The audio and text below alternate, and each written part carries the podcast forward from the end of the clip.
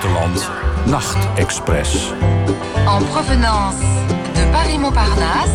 Presentatie Abdou Bouzerda. Informiamo i viaggiatori che il treno regionale 20 Berlin is arm, aber sexy.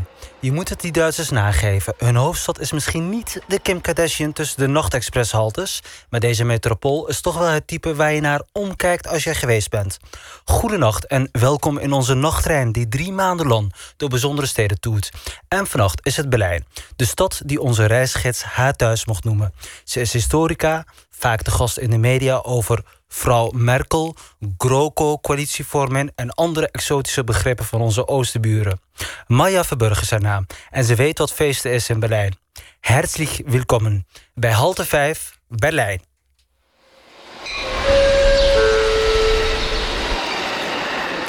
Maya Verburg, herzlich willkommen. Dank je. um, een goede nacht. Feesten kunnen ze wel in Berlijn, hè? Ja. Want uh, daar heb jij natuurlijk wel ervaring mee. Ja, ik heb daar uh, gewoond toen ik studeerde. En uh, daar heb ik ja, een hoop absurde en, en leuke feesten meegemaakt. ik kom nu nog steeds met grote regelmaat in Berlijn. Ik woon er niet meer, ik woon in Amsterdam. Maar ik ben er een keer of vier per jaar en ik was er in november. Um, toen was ik op een, een, een Thanksgiving party van een Amerikaan, Amerikaanse... waar echt allerlei verschillende nationaliteiten bij elkaar kwamen. Mm -hmm. Dus dat is niet per se een Berlijns feest... maar ook wel weer typisch Berlijn... omdat het zo'n internationaal uh, gemengd gezelschap is. Het is ook een heel trekt internationale ja, mensen aan. Ja, absoluut. Ja, ja. het is echt een wereldstad. Maar uh, je zegt een absurd feest. Waar moet ik dan aan denken? In de begin Nou ja, jaren negentig, jij kwam daar als jonge studenten.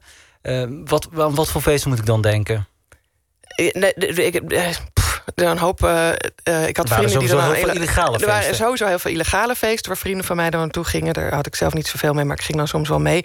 In oude Oost-Duitse kelders waar vroeger kolen lagen. En dan stond je dan te dansen en met, met van die vuurspuwende buizen op de grond. En dat je zeker wist dat als er brand uitbrak, dat je absoluut niet wist waar je, uh, hoe je weg moest komen. Ja. met vage trappen naar boven en allemaal. Um, wat en, leuk... en hoe komt het dat zoveel illegale feesten juist in die periode gehouden werden? Nou, helemaal begin jaren 90. Ik, ik, ik was er in 93 voor het mm. eerst, maar ik heb er in 96 voor het eerst langer gewoond. Um, en toen was de, de, grote hype zeg maar al een beetje voorbij. Helemaal aan het begin van de jaren 90, dus vlak na de val van de muur, um, werden er in Oost-Berlijn heel veel feesten gegeven. En uh, kwam de West-Berlijnse politie daar niet naartoe als er gebeld werd over overlast, omdat ze daar de weg niet kenden. ja. Dus daar gebeurde, nou ja, en dat trok natuurlijk ook heel veel studenten aan, zeker ook uit uh, West-Duitsland. Dus die gingen dan allemaal in het goedkope Oost-Berlijn wonen. Mm -hmm. Waar je nog met kolenkachels uh, zat en uh, oude huizen. En, en kolendouches heb ik zelf ook nog uh, ja. van mogen genieten. Je hebt zelf ook met kolendouches moeten...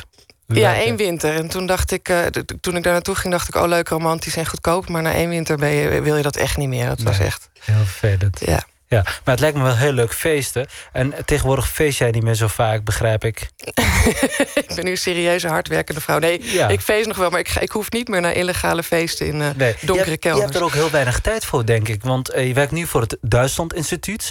Redden jullie het allemaal nog met al die aandacht voor Duitsland? Want het lijkt elk jaar alleen maar toe te nemen. Ja, de afgelopen... Uh, de, ik werk sinds een jaar of tien bij het Duitsland Instituut. En de... we merkten het vier jaar geleden al bij de verkiezingen... dat er veel meer aandacht was voor Duitsland. Dat was toen ook met de, met de eurocrisis, Griekenlandcrisis. En Duitsland speelt daar natuurlijk een belangrijke rol in. Dit jaar was het bij de verkiezingen nog veel meer. We hebben inderdaad, nou ja, onze medewerkers, dus mijn collega's, worden ook veel gevraagd. Mediaoptredens, gastcolleges, lezingen van alles en nog wat, duiding op allerlei. Uh, uh, manieren. En we, we hebben niet alles kunnen doen. Nee, het was echt, het was echt heel veel. En het blijft ook maar doorgaan, agenda. want ze hebben nog steeds geen coalitie nee, in Duitsland. dus we blijven jullie maar vragen om dat te, te komen duiden. Maar uh, geef eens het kort aan, hoe, hoe verklaar je dat? Dat er zoveel aandacht is voor Duitsland. Ik snap wel natuurlijk vanwege de politiek. Maar de interesse in Duitsland lijkt veel verder te gaan.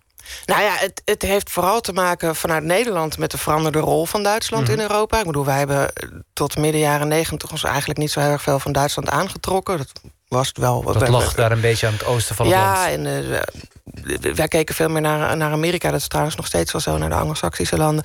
Maar het is natuurlijk, Duitsland heeft een centrale rol in Europa. dat is na de eenwording gegroeid. En wij in Nederland uh, uh, hebben dat nu wel op ons netvlies. Dat wij daar politiek en economisch van afhankelijk zijn. Kijk, het Duitsland Instituut waar ik werk... is in 1996 opgericht. Mede omdat wij zo weinig kennis van Duitsland hadden. En het is in ons eigen belang, want we zijn politiek en economisch afhankelijk van Duitsland... om daar meer van te weten. Dus we hoeven geen reclame te maken voor het land... maar we moeten kennis verspreiden. En dat doen we op allerlei manieren. Ja, ehm. want die kennis over Duitsland, dat is wel echt heel slecht gesteld. Hè? Ik, ik las op jullie website, ik heb niet gedubbelcheckt... maar ik ga ervan uit dat jullie uh, dat goed uitgezocht hebben... dat uh, als mensen wordt gevraagd van noem eens uh, bekende Duitsers op... Uh, ja, dan tegenwoordig dan weten ze nog wel vooral Merkel te noemen... maar tot een paar jaar geleden toen kwam er niets tot een nou, zeer bekende meneer... Ik denk dat je nu specifiek doelt op een, een onderzoek... dat we onder scholieren hebben gehouden, ja. het belevingsonderzoek. Oké, okay. en, dat, en dat, is, ehm, dat hebben we gehouden omdat... kijk, het probleem is vooral de Duitse taal. De interesse voor Duitsland in Nederland kan natuurlijk altijd beter en meer... Mhm. maar is de afgelopen jaren wat toegenomen. Maar de Duitse taal spreken wij slecht. En uh, dat is ook in ons eigen economisch nadeel. En het probleem is dat er steeds minder leraren Duits zijn. Uh, en er zijn dus scholieren vinden het vak Duits bleek lange tijd niet zo interessant... en gaan het dan dus ook niet studeren... waardoor het tekort aan eh, docenten Duits nog meer toeneemt. Dus sinds een aantal jaar houden wij van die belevingsonderzoek... om te kijken hoe je dat vak ook aantrekkelijker kan maken. En uit een, dat onderzoek van vorig jaar bleek inderdaad... dat scholieren dan vrouw Merkel wel kennen... maar daar houdt het ook wel zo'n beetje mee op. Ja. De Bureau Buitenland Nachtexpress gaat het Duitsland Instituut uh, de komende twee uur helpen... om uh, de kennis over Duitsland en in het bijzonder over Berlijn te vergroten. En we trappen gelijk af met een Duits nummer. Uh, Gekommen om te blijven van Wie sind Helden.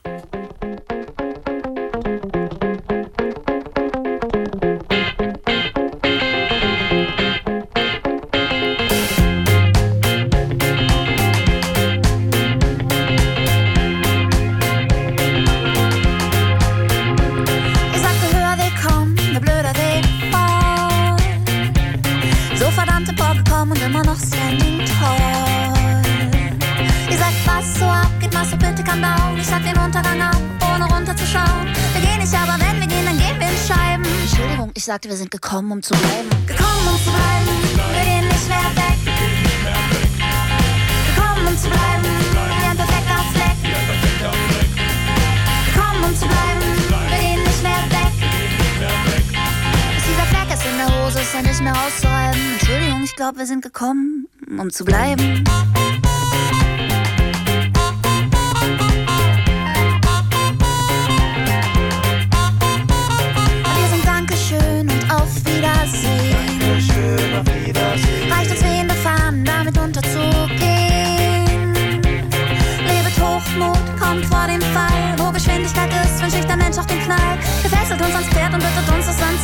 Entschuldigung, ich sagte, wir sind gekommen, um zu bleiben. Gekommen, um zu bleiben, wir gehen nicht mehr weg. Gekommen, um zu bleiben, wie ein perfekter Fleck. Gekommen, um zu bleiben, wir gehen nicht mehr weg. Ist dieser Fleck ist in der Hose, ist er nicht mehr auszuhalten. Entschuldigung, ich glaube, wir sind gekommen, um zu bleiben.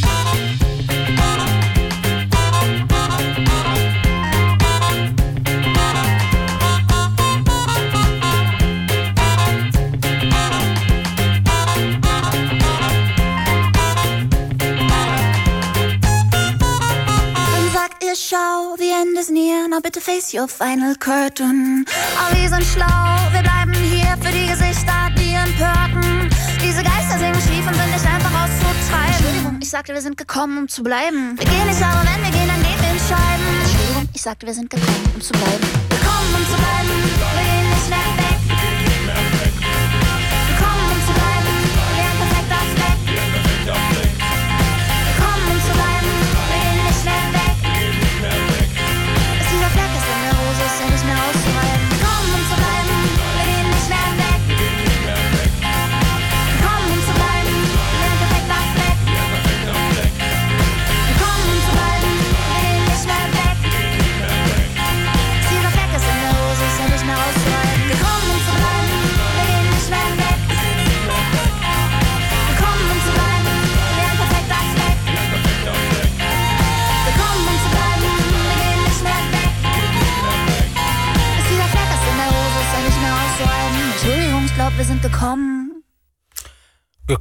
Te blijven en dat geldt ook voor mijn gast Maya Verburg de komende twee uur.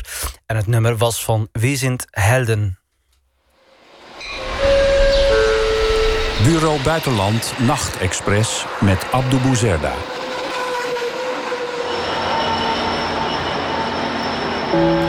Hier ist das erste deutsche Fernsehen mit der Tagesschau.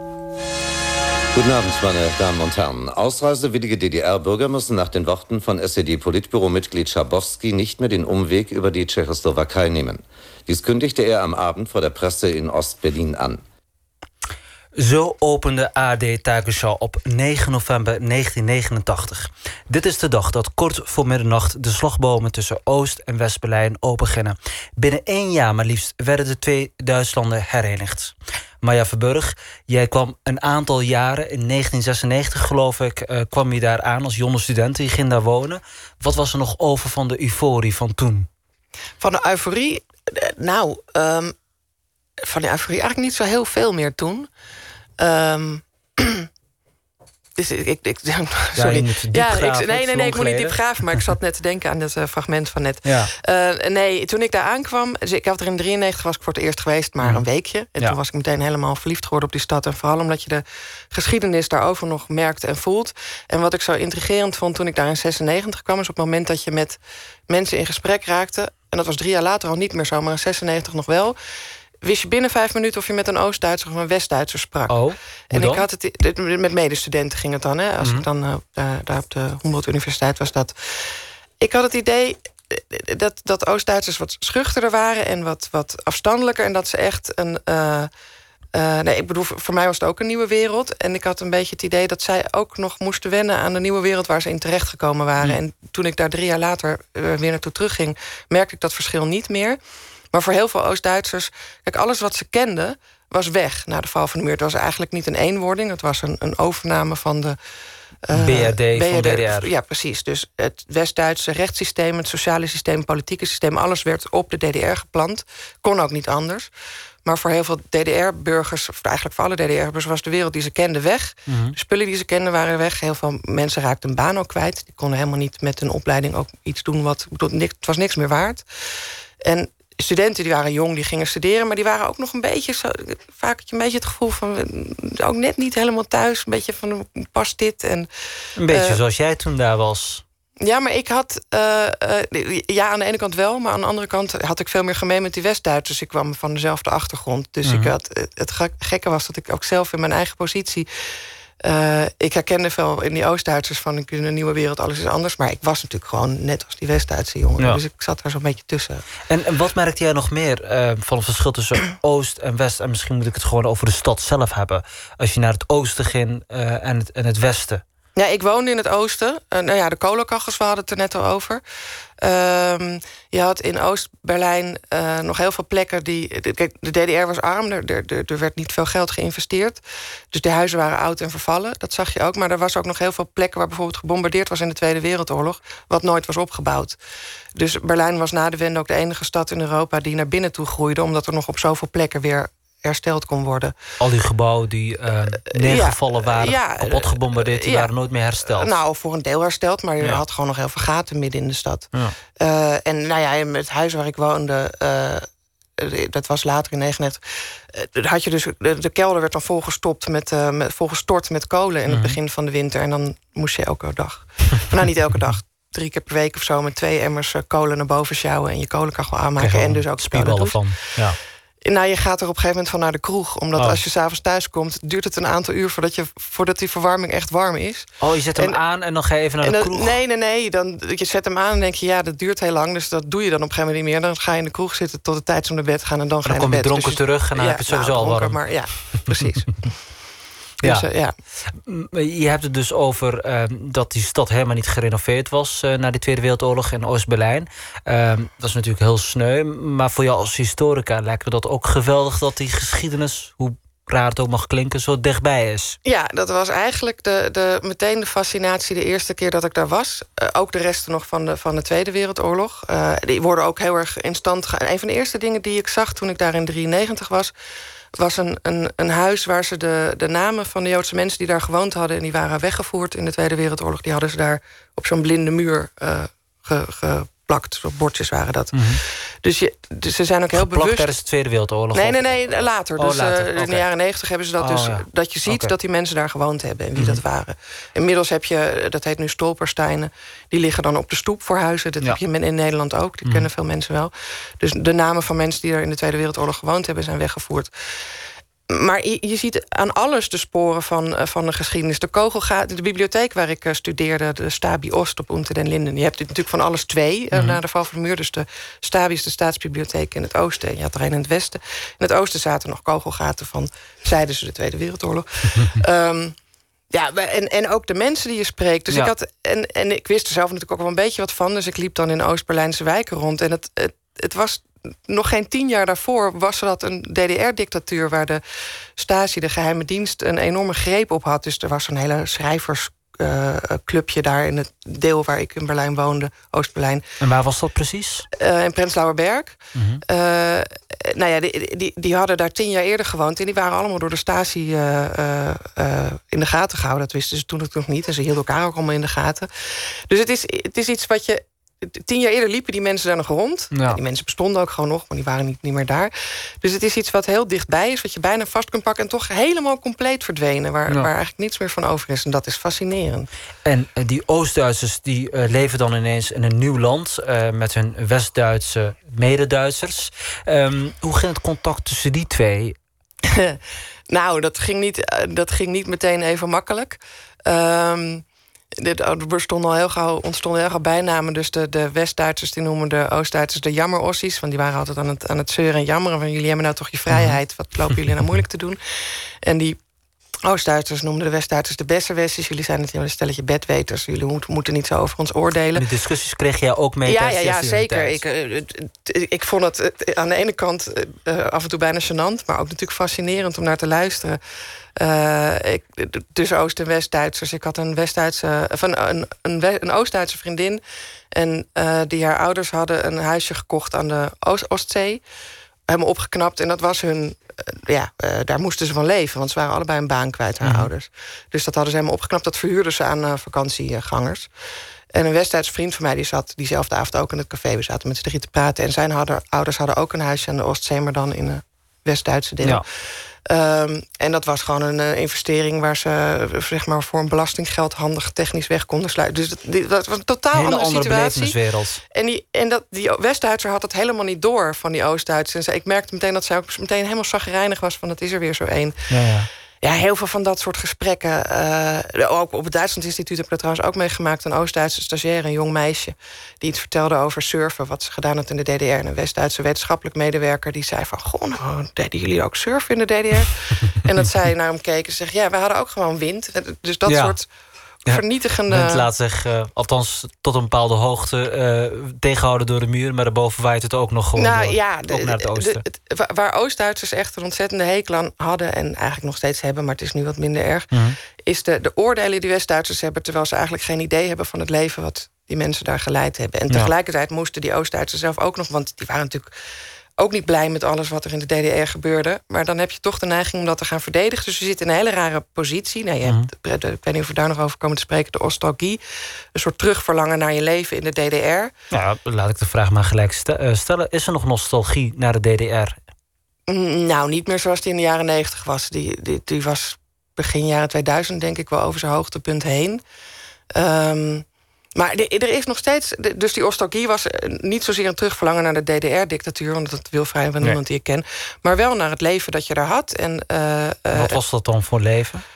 Nou, waar heel veel Oost-Duitsers moeite mee hadden... in het nieuwe uh, Duitsland, het Verenigde Duitsland. Dus de ellebogenmentaliteit, veel minder sociale cohesie. Mm -hmm. veel mensen werden werkloos, dus het was sowieso een harder leven.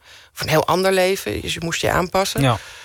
Dus, en, en heel veel producten die er opeens niet meer waren. Uh, de, de, de spreewatkoerken zijn daar het, uh, het, het, voorbeeld van geworden. Dus de, de augurken, augurken die ze in het Oost-Duitsland hadden... en die waren in één keer allemaal weg. Er waren natuurlijk veel meer van dat soort producten die er niet meer waren. Dus daar, daar verlang je dan naar terug. En het is natuurlijk ook... heel veel mensen ja. waren gewoon jong in de DDR en hadden een prima jeugd. Um, maar wat er wel steeds weer opkomt... is de discussie over of de DDR nou een onrechtsstaat was of niet. En dat, wat mij betreft was het dat. Maar het is heel irritant als West-Duitsers dat de hele tijd gaan lopen benoemen. Um, terwijl ze daar zelf eigenlijk niet zoveel mee te maken hebben. En dat jij je dan moet gaan zitten verdedigen als Oost-Duitser... of je daar wel of niet bij betrokken bent geweest... of, hoe, of hoe je daarin stond. Of, ja. De gevolgen van die wende, het vallen van de muur en het Duitse herenigen, zijn voor Oost-Duitsers, zoals je net al aangaf, Burg, het grootst geweest. Ook in de cultuur, zoals literatuur en films, komt deze thematiek vaak voor. Um, in de tragicomedy um, film Goodbye Lenin is dat goed te zien. Ich bin Bürger der Deutschen Demokratischen Republik und ich habe ein Problem. Die Mauer ist weg. Morgen, Alex. Ist schon soweit? Eigentlich ist das kein Problem, aber meine Mutter hat von all dem nichts mitgekriegt. Sie liegt seit Monaten im Koma. Nur jetzt ist sie aufgewacht. Was soll ich denn jetzt machen? Was soll ich jetzt machen? Maya Verburg, jij kent deze film. Het is een uh, klassieker, mag ik het wel noemen, toch? Ja, zeker. Het, is, het hoort bij de top 15 van de best bekeken Duitse films ever. Oké. Voor de mensen die het niet kennen, waar gaat deze film precies over? Het gaat over uh, Alex Kerner, een jongen die uh, woont in de DDR. En zijn moeder is een overtuigd socialiste. En op 7 oktober 1989 was er een hele grote demonstratie. Hij liep daarin mee en zijn moeder die stond dus aan de andere kant... en die zag hem opeens daar lopen. Het was ook de verjaardag van de DDR, dus zij was bij een officiële festiviteit geweest. Zij zag hem in een demonstratie lopen. Ze krijgt een hartaanval. Uh, ze ligt in coma een aantal maanden. En precies in die tijd valt de muur. Op het moment dat ze bijkomt... Uh, heeft hij het idee dat hij ervoor moet zorgen dat. Want zij mag vooral geen stress hebben. Ja. Dus de arts die raadt hem ook aan van zorg vooral dat ze geen stress ja, krijgt. En dat vertaalt hij naar. Uh, ik moet dus zorgen dat zij niet komt te weten dat die muur gevallen is. Ja. Want het hele leven ligt op zijn kop. Dus zij mag op een gegeven moment naar huis. En hij bouwt die hele. Het hele huis is inmiddels ook natuurlijk aangepast of veranderd. Ja. Hij bouwt het weer helemaal terug naar uh, hoe het was. En nou ja, in dat huis bestaat de DDR nog. En op allerlei manieren probeert hij dus ervoor te zorgen dat haar niet duidelijk wordt dat de muur gevallen is. En dat wordt natuurlijk steeds moeilijker. Ja. Op een gegeven moment ziet ze ook een Coca-Cola... Uh, poster hangen. En op een gegeven moment gaat ze ook naar buiten... en ziet ze een leningsstandbeeld uh, dat weggesleept, wordt. weggesleept wordt. Weggevlogen wordt. Een prachtig beeld is dat in de film.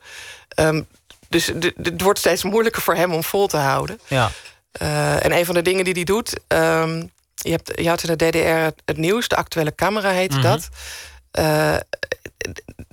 nou ja, ik heb dat, toen ik in 1999 in Berlijn was, was uh, werd er elke avond op de Brandenburgse televisiezender het nieuws van 1989 uitgezonden. Het Oost-Duitse nieuws. Dus ik heb daar toen elke avond naar zitten kijken. En het is echt fascinerend. Het is werkelijk ongelooflijk wat een die mensen. Ja, ja, het is. Ik ga er helemaal van stotteren. Ja. Um, maar het is zo gek, zo bizar. Nou, het is inderdaad heel bizar, omdat het. Eigenlijk krijg je gewoon alleen maar te horen wat de staat wil weten. De mhm. integrale uh, uitzendingen van speeches van Honecker, de partijleider.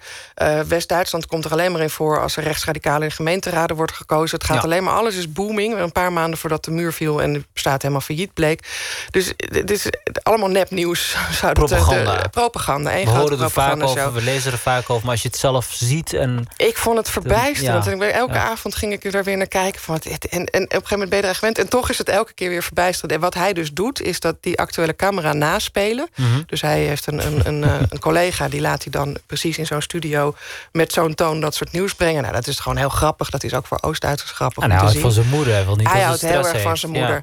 Maar de manier waarop ze dat doen... op een gegeven moment moeten ze dus omdraaien. Dat niet, want ze moeten wel naar een, ze moeten naar een hereniging werken. Want die komt eraan. Dus en ondertussen werkt hij gewoon voor een echt een kapitalistisch bedrijf. Ja, een, ja. Een, uh, en zijn zusje werkt bij de Burger King. Ja, dat ja. is zijn zusje. En hij okay. uh, doet oh, iets met uh, satellieten of zo. Ik weet niet precies wat hij doet. Maar op een gegeven moment draait het dus om... dat de West-Duitsers allemaal naar het oosten zijn gekomen... zodat ze in ieder geval iets die kant op kunnen gaan. Ja. Hey, en, en, deze moeder, mevrouw, mevrouw Kerner... Um, ja, die stress, ik bedoel, het is natuurlijk grappig en een leuke scenario bedacht. Maar waren er veel mensen uh, die opgroeiden met het idee van, nou, DDR is het beste wat er is op aarde. En dan ineens uh, geconfronteerd worden met een ander Duitsland. wat uh, ja, veel verder is qua ontwikkeling, qua alles. Nou, de meeste Oost-Duitsers wisten dat wel... want die konden gewoon West-Duitse televisie kijken. Ja. Dus die wisten precies wat er aan de andere... behalve in Dresden, dat heet mm -hmm. ook het Tader Ahnungslozen... daar kon je geen West-Duitse tv kijken. En waarom was dat? Ja, dat, dat lag in een dal. Daar had je, Oh ja, kon je gewoon niet ontvangen daar. eh, ja, Ja. ahnungsloze. De, ta de taal is wat het dal van de mensen die geen, geen idee hadden. maar de meeste Oost-Duitsers wisten dat. En dat zag je ook toen ehm, de protesten begonnen. Het begon met Wir sind, wir sind das Volk. Eh, van wij zijn het volk en wij Mhm. willen het voor het zeggen hebben. Maar dat werd op een gegeven moment Wir sind ein Volk. Wij willen dat wat ze aan de andere kant ook hebben. Ja. Ehm, de- dus dat was, dat, was. Er zullen ongetwijfeld mensen zijn die helemaal overtuigd waren van het socialisme. Maar het is denk ik vanaf de jaren tachtig wel heel erg moeilijk om niet te zien wat daar aan scheefgroei eh, was. Ja, en was deze film eh, een succes bij ehm, de zogenaamde Ossies of bij de Wessies? Bij allebei. Ja, toch dat, wel? dat is ook zo bijzonder aan die film. Er zijn heel veel films eh, over de DDR gemaakt, ook door Oost-Duitsers. Ehm, maar er werd hier zowel. De, de film, nee, eigenlijk is het ook gewoon een heel, heel. Sommige mensen vinden de film zelfs te sentimenteel. Het is een warm, lief verhaal. Een zoon Mhm. voor zijn moeder. Ja. Want heeft hij ook een vriendinnetje. Maar het is ook heel grappig. Het is dus zowel het kapitalisme als, als het socialisme van de DDR eh, wordt op de hak genomen. Op, Ja. een, op een leuke manier. Zowel Oost-Duitsers en West-Duitsers herkennen daar veel in. Ja, Ehm, we zijn nu een flink aantal jaren verder in eh, Duitsland. Is er inmiddels één Duitsland of is de muur spreekwoordelijk nog aanwezig in de hoofden van de Duitsers? Nou, als je naar de verkiezingsresultaten kijkt, dan zie je de muur nog wel lopen. Ja, en ook als je, leg ons eh, uit hoe. De- als je eh, de, ehm, in het oosten kiezen, stemmen ze veel meer op de partij die linken. Dat, is Mhm. de, de, zo- de- dat was ooit, nou ja, niet helemaal. Het is de, op, zeg maar, de opvolgerpartij van de communistische Ja. partij van de DDR. Maar dat is iets ingewikkelder dan dat. Maar goed, dus da- daar wordt veel op gestemd. En nu de laatste jaren is de AFD... De, Alternatief voor Duitsland. ja, dus de, rechtse rechtspopulistische partij. partij. Eh, overigens in West-Duitsland ook hoor, maar Mhm. in Oost-Duitsland wordt daar nog veel meer op gestemd. Dus je ziet wel. En ehm, die mensen roepen ook op straat, hè? Wie zijn dat volk? Ja, ja. maar die mensen die dat in 89 riepen, worden daar heel boos over dat Oh die ja? eh, slogan Ja. gekaapt wordt door, Ja. Door eh, rechtse eh, types. Nee, ja, dat klopt. Dus de. de, eh, ja, en de politiek en de sociale desintegratie in Oost-Duitsland is nog steeds groter dan, dan in het Westen. Maar goed, je hebt ook verschillen tussen Noord en Zuid. En er zijn ook een hoop regio's. Maar ik bedoel ook psychologisch. Ik bedoel, we Ja. zijn nu eh, één à twee generaties verder. Ehm, eh, is er nog bijvoorbeeld tussen mensen... Kun je nog nu zien wie uit Oost-Duitsland komt of West-Duitsland? Nee, ik niet. Nee, ja, ik weet het van mijn vrienden, maar eigenlijk Ja. speelt het geen rol. Hoewel, het, eh, van hen hoor ik nog wel eens verhalen dat het wel een rol speelt. En een vriendin van mij die eh, eh, is docent op een beroepsopleiding, docent economie in Berlijn. Mhm. En zij vertelde een paar jaar geleden dat zij merkte dat haar scholieren, die allemaal van na 89 zijn, dat onderscheid ook weer aan het maken zijn. Oh, Dus dat die zeggen van ja, maar hij weet dat niet omdat zijn ouders uit Oost-Duitsland komen. Wat Ja. heel gek is eigenlijk, want die hele generatie is opgegroeid in het Ja. Verenigde Duitsland. En als we naar de stad kijken, Berlijn. toen jij daar dus in 1996 kwam, je vertelde van nou, je kon merken dat het. Ja. Eh, Je rook het dus ook, maar je kon het, je kon het ook zien. Hoe ja. is het nu? Is het nu één stad geworden? Ja, er is heel erg veel opgeknapt, eh, ook in het oosten. En, en de meeste resten van de muur zijn weg. Dus Mhm. eh, hoewel je, wa- wat ze, dat doen ze in Duitsland sowieso heel goed met hun verleden omgaan. Je ziet wel overal in de straat hebben ze een soort, ja, wat is het? Koperen band neergelegd. Je ziet precies waar de muur gelopen heeft. Overal waar je bent, waar de muur liep. Het is weg, maar je kunt nog altijd zien waar het stond. Ja, en een van de dingen, nou, dat vind ik ook wel grappig. Ehm, ik woonde, eh, dat was ook Prenzlauer Berg, bij Mauerpark. Dat is de westkant. Nee, dat Of was, de, oost, oostkant. dat was de oostkant. En aan de andere kant van het park eh, was er een hele grote cirkel uit de, de stoep wegge- weggehaald. Mhm. Eh, en dat bleek dus later precies aan de westkant te zijn. Maar ik snapte nooit wat, wat die cirkel deed. Maar dat was omdat de bussen, de West-Duitse bussen reden naartoe... en die konden dan draaien en weer teruggaan... omdat ze anders op de muur afreden. en die cirkel is nu weg. Die was er tien jaar geleden nog wel. Dus er wordt steeds meer weggehaald. Ja. De stad trekt natuurlijk ook veel nieuwe inwoners uit de rest van Duitsland, omdat ze daar gaan studeren, werken, eh, verliefd worden en misschien daar naartoe verhuizen. Ehm, is de karakter van de stad eh, daardoor ook veranderd? Want je komt er nog Ja. regelmatig. Ja, ja, ja. Ja, sinds een, een. Nou, sinds wanneer is het een jaar of tien of zo wordt er heel erg geklaagd over vooral de Zuid-Duitsers, de Zwaben, eh, eh, worden die genoemd. Dat zijn mensen die veel meer orde en regelmaat en, en, en, en netheid eh, willen. En bovendien hebben die meer geld, dus die drijven de huizenprijzen omhoog, want die kopen dan huizen. Ehm, maar die, die willen ook de stad veranderen, want die zijn dat chaotische en dat eh, quasi-creatief en het arm oude sexy een beetje zat. Mhm. En ik zag dat ook bij vrienden van mij. Zo'n vriend van mij, die geboren en getogen Berlijner, ehm, die woont in een huis waar het, waar het voorhuis van Mist. Dat is ooit gebombardeerd in de Tweede Wereldoorlog. Nog steeds niet opgebouwd. Dus hij woont... Dus is zo'n binnenplaats die uh, gewoon open is. En hij woont in het achterhuis. En zijn vriend die komt uit Zuid-Duitsland. En uh, die ergert zich helemaal ziek aan de troep. En die wil daar allemaal hekken en dingen opruimen. En die Berlijnse vriend snapt daar helemaal niks van. Dus echt meteen een, ja, precies, de, precies het verhaal wat je altijd leest... zag ik daar uh, op kleine schaal gebeuren, ja. ja. Um, we gaan uh, de komende twee uur natuurlijk verder praten. We gaan dit uur bijvoorbeeld het nog hebben over wonen in deze Duitse metropool. En armoede helaas, um, wat veel voorkomt in, uh, in ja. Berlijn. We gaan nu luisteren naar Helpless van John Mayer.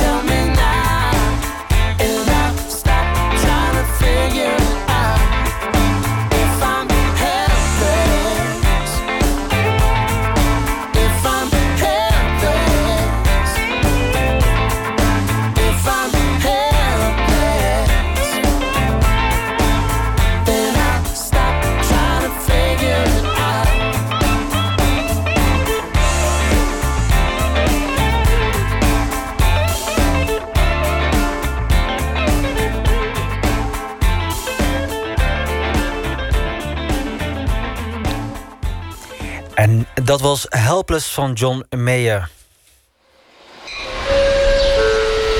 Bureau Buitenland Nachtexpress met Abdou Bouzerda.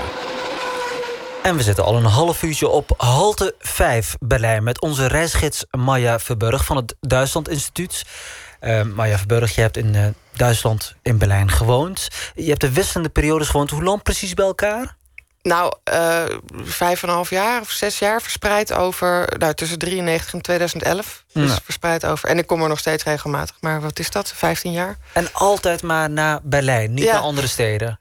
De- In Duitsland? Ja. Ja. ik kom ook wel in andere steden, maar daar heb ik niet gewoond. Nee, maar je hebt altijd in Berlijn gewoond. En Wat is, wat, ik, bedoel, ik snap de geschiedenis, maar wat trekt jij nog meer in deze stad? De ruimte. En Ja, op een gegeven moment is het ook gewoon een stad die je kent en je vrienden wonen en is het fijn. En, nee, dus de eerste fascinatie was inderdaad wel de geschiedenis, maar, maar ook de ruimte. Het is, toen ik daar voor het eerst uh, ging studeren, toen had ik, uh, ik woonde uh, ergens en ik moest naar de, naar de universiteit. En ik had, er hing een grote kaart in de gang. En ik had gekeken, nou ja, van daar naar daar, een kwartiertje fietsen, dacht ik. Ja. En toen was ik meer dan een half uur onderweg. Oh. Dus wat ik was Amsterdamse afstanden ja. gewend. Het ja. was veel groter. En ik heb ook, ja, als je daar als ik dan, eh, weet ik veel, van mijn huis naar de bibliotheek ging... en uh, naar een feestje en daarna weer terug... had ik 30 kilometer gefietst. dus het zijn, zijn enorme afstanden. Dus je woont ook eigenlijk in de wijk waarin je woont... en niet zozeer in de stad. Uh, en ik heb verschillende wijken gewoond. Want op een gegeven moment mhm. trekt de karavaan uh, verder. En hoeveel wijken heb je gewoond? in Wedding, dat is in West-Berlijn. Prenzlauer Berg, Friedrichshain... Kreuzberg en Neukölln, dus vijf. Dus ook eh, zowel een westen als een oost? Ja, eh, voornamelijk oost, ja. ja. Ja. En uh, vraag me af, jij stapt op de fiets als echte Nederlandse. Uh, je bent opgegroeid in uh, Muiden, in de buurt van Amsterdam. wat dacht je, je Duitse studiegenoten? Dan gaat die Nederlandse weer op de fiets? Nee, want die fietsen zelf oh, ook wel, Maar ze vonden het wel heel gek dat ik ook nog fietste als het vroor buiten. Dat, oh. dat, dat, vonden ze heel raar. Weer een wind. Hey, de, de, stad, ik zei het al in mijn introductie van de uitzending... is het aan aber sexy. Dat zei de voormalige burgemeester Klaus Vogelwaard in een interview. Uh, die, die armoede, daar gaan we zeker over praten, nog dit uur. Maar wat maakt deze stad zo sexy voor al die uh, Duitsers... maar ook heel veel buitenlanders die er naartoe trekken? Nou ja, het was natuurlijk een, een draai die Woverheid moest geven aan uh, het imago van zijn stad. Maar het is een stad waar heel veel uh, jonge mensen en creatievelingen naartoe uh, trekken. En het heeft ook te maken met de geschiedenis van de stad. Mm -hmm. uh, Berlijn was als, West-Berlijn was als gedeelde stad. Um, had een speciale status. Mm -hmm. Uh, eigenlijk gingen daar de geallieerden nog over, over West-Berlijn. Ja. Dat betekent dat als je daar woonde, hoefde je niet in dienst. Nog, je mocht niet in dienst. In West-Berlijn mocht er geen, geen leger zijn. Of geen, dat was een, daarom hadden ze daar een akkoord. Tussen, waanzinnig grote ja. politie. Ja. Uh, ja. Dus, de, dus heel veel uh, jongeren in de jaren 70, jaren 80... trokken naar West-Berlijn als ze niet in ah. dienst wilden. Dus dat was sowieso een hele... Kreuzberg was dan zo'n verzameling van een beetje alternatieverige... Ja. Uh, die noemden zichzelf geloof ik ook uh, stad Indianer en zo. Nee, die allemaal... en dat bleef... Dat, en na de val van de muur was, natuurlijk, was het... Ja, ja, ja. ja, ja. In Kreuzberg woonde ik op een gegeven moment op de, in de straat... waar de SO36 was, zo heette de wijk. Maar dat was ook die tent waar iedereen toen naartoe ging. Ja. Um, en, en, na de val van de muur kwamen natuurlijk ook gewoon heel veel mensen op de romantiek van Berlijn af. En dat je goedkoop kon wonen in het oosten. En, uh, Dus het trok heel veel mensen aan. Maar de grote bedrijven gingen er allemaal weg. En dat heeft natuurlijk te maken met Berlijn. Dat Berlijn ligt midden in Brandenburg, een Oost-Duitse deelstaat. Er is helemaal niks omheen. Uh, dichtstbij zijn uh, Oost-Europese landen en daar is de, de arbeid veel goedkoper. Dat is voor bedrijven dus veel zinvoller om daar te gaan zitten of gewoon in West-Duitsland te gaan zitten. Mhm. Dus de grote bedrijven die er naartoe trokken zijn op een gegeven moment weggegaan. Dus er was geen geld. Er waren een hoop jonge creatievelingen. Er was veel ruimte. Je kon heel makkelijk, dus voor kunstenaars natuurlijk ook uh, interessant, uh, goedkope atelierruimte huren. Mhm. Studenten gingen er naartoe.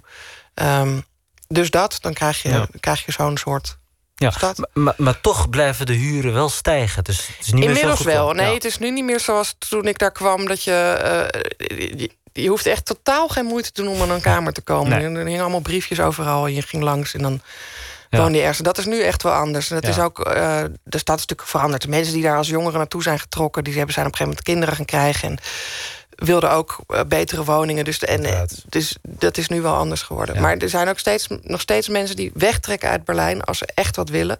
Omdat Berlijn nog steeds slecht bestuur heeft... slechte organisatie, nog steeds arm is. Mm. Um, ja. Dat de huren blijven stijgen in de Duitse hoofdstad... dat ontdekte ook collega Rick Delhaas. Een kleine huurdersvereniging probeert de woonkosten... zo laag mogelijk te houden in Berlijn. Deze organisatie met de naam Miete Genossenschaft Zelfsbouw... Um, heeft ook het nationale nieuws in Duitsland gehaald. Rick Delhaas zocht ze op. Ik ben hier bij een burgerinitiatief in Prenzlauer Berg in Berlijn... Ja, die doen iets uh, waar iedereen die in een grote stad woont uh, last van heeft. Namelijk uh, hoge huren in hele grote steden zoals Berlijn of Londen of Parijs. Dit is een huurdersvereniging die proberen huren laag te houden. Het is het Mietergenossenschaft Selbstbau. En het is ontstaan in de tijd van de DDR, 1988. Wir bauen an Neustadt. Wir bauen. Nou, goed. Dit is Jeanette Albrecht, ze is bestuurder van de Mietergenossenschaft Zelfsbouw. En we gaan even met de auto naar een ander project.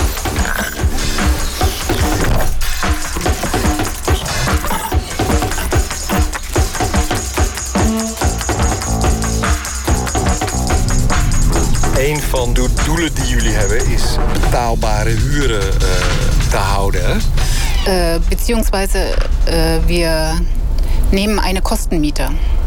Het is eigenlijk een kostenhuur. Dus zeg maar waar alle kosten in zitten. Zoals de aankoop, de verbouw, het onderhoud. Wir sind keine Kommune, wir sind ein Wirtschaftsunternehmen. Ze zijn geen communisten, ze zijn geen commune. En ze zijn gewoon ja, een onderneming die probeert economisch te draaien. Eh, niet met winst, maar gewoon echt tegen de kosten. En een van de doelen is om betaalbare eh, huurwoningen te houden... in het centrum van de stad, van Berlijn.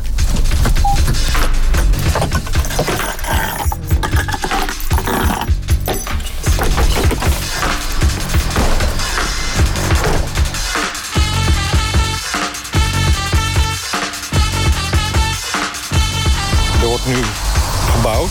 We lopen er even heen. Also der Abriss, Abriss haben wir gemacht. Und jetzt werden die ersten Decken schon, Betonarbeiten gemacht. Alles wat er gesloopt moest worden aan het pand, dat is nu eh, gesloopt. En ja, de eerste betonvloeren nu gestort. Daar gaan we even naar kijken. Nou ja, dus ze zijn dus nog aan het slopen, oud eh, hout eh, aan het afvoeren. Hoe oud is dat pand? 1880 ungefähr gebaut. 1880. Eh, ja, we gaan hier door de deur. Hele oude, massieve houten deuren. Eh, heel mooi houtwerk. En dan zijn we hier binnen. Der Fahrstuhl. Ja, hier is al begonnen met het bouwen van de liftschacht. We lopen even naar achter.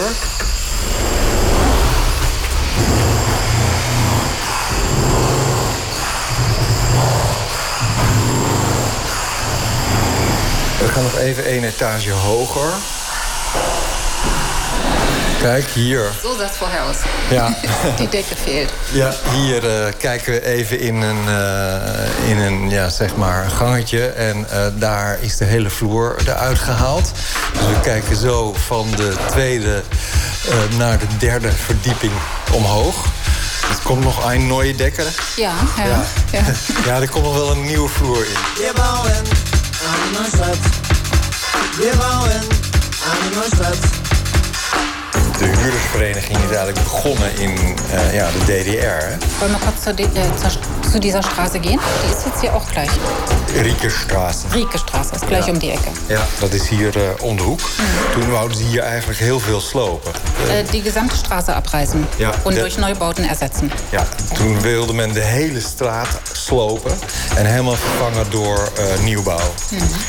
Eh, en daar zijn de bewoners tegen in het geweer gekomen. Althans een aantal.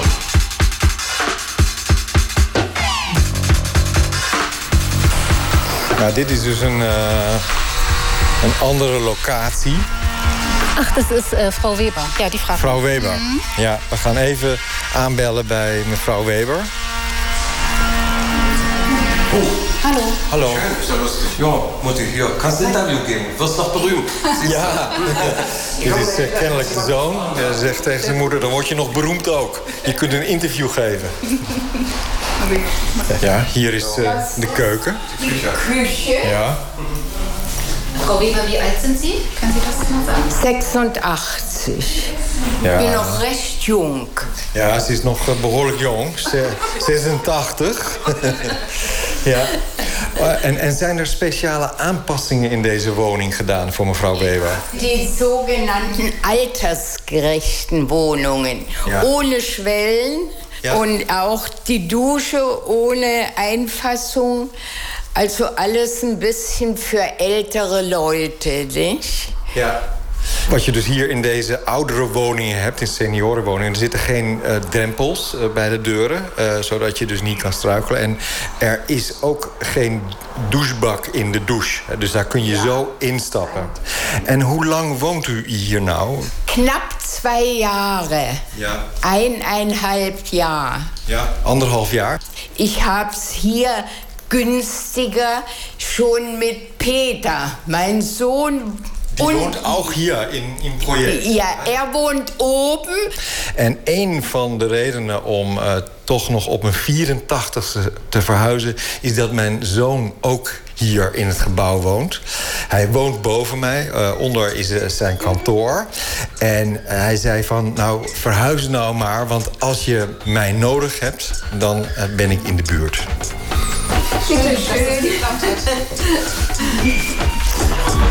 Oké, dank Auf Wiedersehen. Ja, auf Wiedersehen. Schön. Kommen Sie gut nach Hause. Ja, danke. Een Duits sprekende collega Rick Delhaas vanuit Berlijn.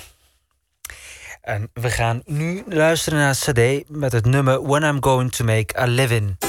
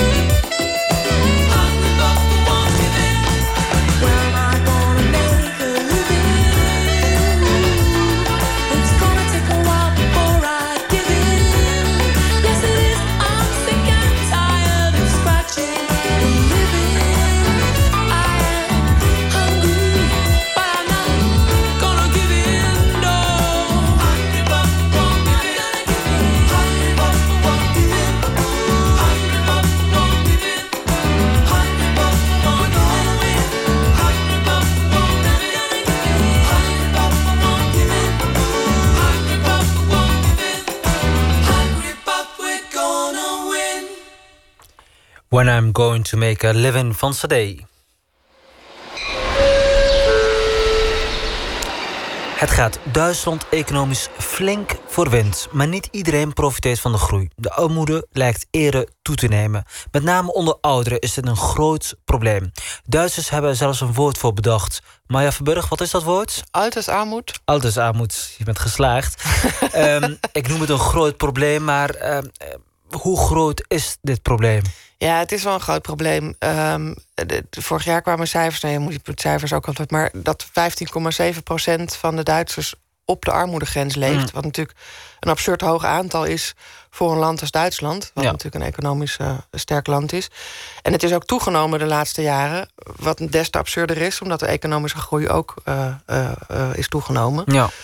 Ehm, Dus de wij- kloof wordt alleen maar groter. ja, ja, de kloof wordt groter. En wat je net al zei, vooral onder ouderen. Mhm. Eh, en ook veel Oost-Duitse ouderen, want die hebben slechtere pensioenen. Maar het geldt ook voor veel West-Duitse ouderen. Maar niet alleen ouderen. Er zijn ook heel veel mensen die eh, bijvoorbeeld twee banen moeten hebben of nog meer. En dan nog nauwelijks rond kunnen komen. Eh, mensen die naast een uitkering er toch bij moeten klussen. Ouderen die er baantjes bij hebben als Dat, taxichauffeur. dat is bijzonder, want ehm, je zei het al... wij zijn in Nederland heel erg gericht op de anglo-saxische landen. Amerika, en dan kennen we de verhalen van ouderen die twee banen hebben. Maar bij onze oosterburen gebeurt dat ook gewoon. Ja, gebeurt dat ook. Ja. En ehm, eh, hoe zit het in eh, Berlijn? Is dat daar relatief eh, armer dan in de rest van Duitsland? Ja, ja, Berlijn is sowieso armer. Dus Mhm. daar is er ook veel armoede. Ehm, er zijn er heel veel daklozen. Dat, neemt in Berlijn, dat neemt in heel Duitsland toe, maar in, in Berlijn ook. En het heeft ook te maken met dat veel mensen uit Oost-Europa, overigens ook uit Zuid-Europa, naar Duitsland komen. Daar hopen werk te vinden. Eh, dan op een gegeven moment dat werk niet meer hebben. Ehm, en of uit schaamte niet terug willen naar waar ze vandaan komen. Het probleem is ook dat de, de, de huren natuurlijk steeds hoger zijn geworden. Dus Mhm. mensen konden vroeger van het loon dat ze verdienden met een klein baantje nog wel ergens een huis krijgen. Maar inmiddels kan dat niet meer. Dan raken ze dakloos. Ehm, en maar voor sommige Oost-Europese daklozen geldt ook dat het in Duitsland beter is om dakloos te zijn dan in hun eigen land. Want? Eh, om- omdat je daar bijvoorbeeld blikjes kunt verzamelen en die inleveren. En dan Oh, heb ja. je weer de, de pand of de. de, de Pfandgeld. Ja. Ja. Eh, de- de- en toch hopen dat ze misschien nog weer ergens eh, aan de bak komen. Ja. Ehm, Want qua weer kun je beter in Zuid-Europa dakloos zijn dan in ja, maar Berlijn. niet in Oost-Europa. Ik denk dat dat voor Oh, in Zuid-Europeanen niet zozeer geldt. Ja, maar oké. Oost-Europeanen... De, de, de Poolse ambassade heeft zelfs maatschappelijk werkers ingehuurd... om de vele Poolse daklozen in Berlijn eh, te helpen. Hm. Eh, eh, Dat klinkt als een gigantisch probleem. Is ja, echt- nou ja, gigantisch. Ja, het is wel een probleem, ja. En ehm, eh, waar wonen de armen? Dan heb ik natuurlijk niet over de daklozen, want die wonen niet echt. Ja, die, die handen dan op straat rond, eh, denk ik zo. Onder brug slapen ze. Maar de armen, de, de mensen die, eh, die huren, wa- waar wonen die met name in Berlijn? In Berlijn? Ja. Nou ja, in de, in de, in de meer de, de armere buitenwijken. En, en niet in de, in het, eh, in de chique... Hm. Kijk, in, Berlijn heb je heel veel... Het, het, verschilt steeds per wijk. Eerst was Prenzlauer Berg hip. Daar, Hm. eh, op een gegeven moment waren daar de mensen dan... die was het niet meer zo hip. Werd opgeknapt. Trokken de mensen naar Friedrichshain. Daarna trokken ze naar Kreuzberg. Toen trokken ze naar, naar, naar Neukölln. Maar die wijken zijn inmiddels allemaal wel redelijk... eh, nou ja, daar, wonen, daar wonen ook wel arme mensen. Maar het merendeel woont meer aan de rand van de stad. Ja, naar, is toch gek, hè? Want, in de eh, Plattenbauten, zeg maar, de, de, de Ja. grote flats. Het is toch gek dat die welvaartsverdeling eh, bij onze oosterburen zo slecht geregeld is. En daarmee zeg ik niet dat het in Nederland allemaal perfect is. Want ook hier is armoede een groot probleem. Maar het lijkt in Duitsland een groter probleem te zijn. Hoe kan het dat de politiek dit niet eh, heeft aangepakt? Nou ja, de politiek pakt dat op zich ook weer wel aan. Ehm, wat je eigenlijk ook bijna niet voor kunt stellen. Maar Duitsland had jarenlang geen minimumloon. Dat is pas in 2015 ingevoerd. Dat zet overigens ook niet veel zouden aan de dijk. Want het is nog steeds een heel laag minimumloon. Mhm. Ehm, Iets van 850 euro of maar, zo. eh, de- Ja. Dat is 8,84 euro per uur, geloof ik. Oh, Eh, eh, dus het is, het, is, het is nog steeds niet hoog. Ja. Ehm, en overigens, wat ik ook nog even sorry, wil zeggen... is dat eh, die armoede niet alleen in Berlijn is... maar ook net zo goed in West-Duitsland. En ook niet alleen in Oost-Duitsland. Je hebt ook in West-Duitsland het Roergebied... wat natuurlijk vroeger heel... Armoede is eerlijk, geografisch eerlijk verdeeld over het land. Ja, nou niet helemaal eerlijk, maar ja, het Ja. komt op in alle, in alle gebieden voor. En in, in, in Oost-Duitsland wel meer, omdat Mhm. er natuurlijk veel meer mensen zijn weggetrokken en ehm, ehm, mensen daar meer- vaker werkloos zijn geraakt. Mhm. Eh, Vaker werkloos zijn geraakt. Ja, en, deze armoede brengt natuurlijk ook sociaal en politieke spanningen met zich mee. Ehm, eh, zie je dat bijvoorbeeld eh, een partij als die Linke of AFD daarop inspelen? Ja, allebei. Die linken ook heel sterk in hun campagne. Die, die eisten bijvoorbeeld een minimumloon van, van 10 euro. Ehm, En de AFD, de, AFD speelt in op een heleboel ontevredenheid. Overigens de andere partijen ook, maar de AFD speelt in ook op die ontevredenheid. Ja, Ja, uiteraard. Merkel is nu druk bezig eh, met de coalitieonderhandelingen. Ehm, de zusterpartij van CDU, dus de partij van Merkel, CSU en SPD, de Sociaaldemocraten, staat dit hoog op de agenda. Met dit bedoel ik de armoedebestrijding. Nou, ze zijn nu voornamelijk nog allerlei andere eh, hele moeilijke punten proberen ze uit de weg te, te werken. Heel veel beren te weg. eh, ja, Daar eh, gaan we trouwens over spreken in het tweede uur. Maar als het gaat om armoede, heeft dit aandacht? Nou, vandaag hebben ze, zijn ze het bijvoorbeeld eens geworden over dat er meer geld naar de zorg moet. En dan vooral ook naar de zorg voor ouderen. En, eh, dus het, het heeft wel degelijk aandacht. Maar het is nu niet waar alle. eh, en het is ook. Het gekke was dat dat tijdens de campagne vorig jaar, dus de verkiezingscampagne. eh, dat leek een heel belangrijk onderwerp te worden. Omdat de SPD met toen eh, nieuwe lijsttrekker Martin Schulz. Mhm. daar echt fel op, ver op, fel op in ging zetten. Maar eigenlijk is het in een campagne toch een beetje weggezakt weer. En ging het ook veel over eh, eh, veiligheid en Identiteit. identiteit, Ja. eh, aanslagen. eh, nou ja, Ja, gewoon. het ging in ieder geval niet hele- over milieu en, eh, ehm, Ja. en armoede. Oké. Bureau Buitenland Nachtexpress met Abdou Bouzerda. En we zijn nog altijd in Berlijn, halte 5 van de Bureau Buitenland Nachtexpress. Eerder bezochten we de bruisende Istanbul. En vorige week nog de het zuchtende en krakende Athene. Dat worstelt met de economische depressie. U kunt al deze afleveringen beluisteren op onze podcast, op uw mobiel of uw tablet. Nu terug, eh, terug naar mijn reisgids Maya Verburg en Berlijn. Maar ja, we gaan straks in het tweede uur eh, onderzoeken of Berlijn nog altijd de creatieve vrijplaat is voor, eh, geest, voor creatieve geesten en kunstenaars. Zoals bijvoorbeeld in de jaren 90, waar je het eerder over had. En we gaan natuurlijk ook kijken hoe ver bondskanselier Angela Merkel is met de coalitieonderhandelingen. Kortom, we hebben veel te doen. Ehm Maya Verburg, je hebt het over eh, die periodes gehad dat jij in Duitsland hebt gewoond. Eh, heb jij nu het gevoel dat je Duitsers ook echt hebt leren begrijpen? Ja. ehm. nou, die had ik niet aanzien komen. Eh, nou, ik- ja, ik heb wel het idee dat ik iets meer snap van hoe ze in elkaar zitten en hoe ze redeneren dan toen ik daar voor het eerst kwam. Ja. Ja. We hebben niet meer zo heel veel tijd hier in het eerste uur. Eh, we kunnen misschien straks nog verder over doorpraten. Maar noem eens één voorbeeld van eh, wat jij de afgelopen jaren beter had leren begrijpen. Nou, een van de dingen die me aan het begin heel erg verbaasde... is dat alles enorm uitgediscussieerd moest worden. Mis- Misschien is het overigens andersom, hoor. Ben ik wel heel Duits geworden. Dat heb ik ook wel eens gehoord toen ik terugkwam eh, in Nederland. Eh, maar dat, dat er heel veel gediscussieerd wordt. eh, en eh, alles heel principieel en dat, over de kleinste dingen. Alle discussies worden heel fundamenteel gevoeld. Ja, en, eh, en, en zelfs als het gaat bij een verhuizing... van gaan we de kast naar boven brengen of gaan we eerst pizza halen... en dan werd er gewoon een kwartier lang eh, op een basisdemocratische wijze...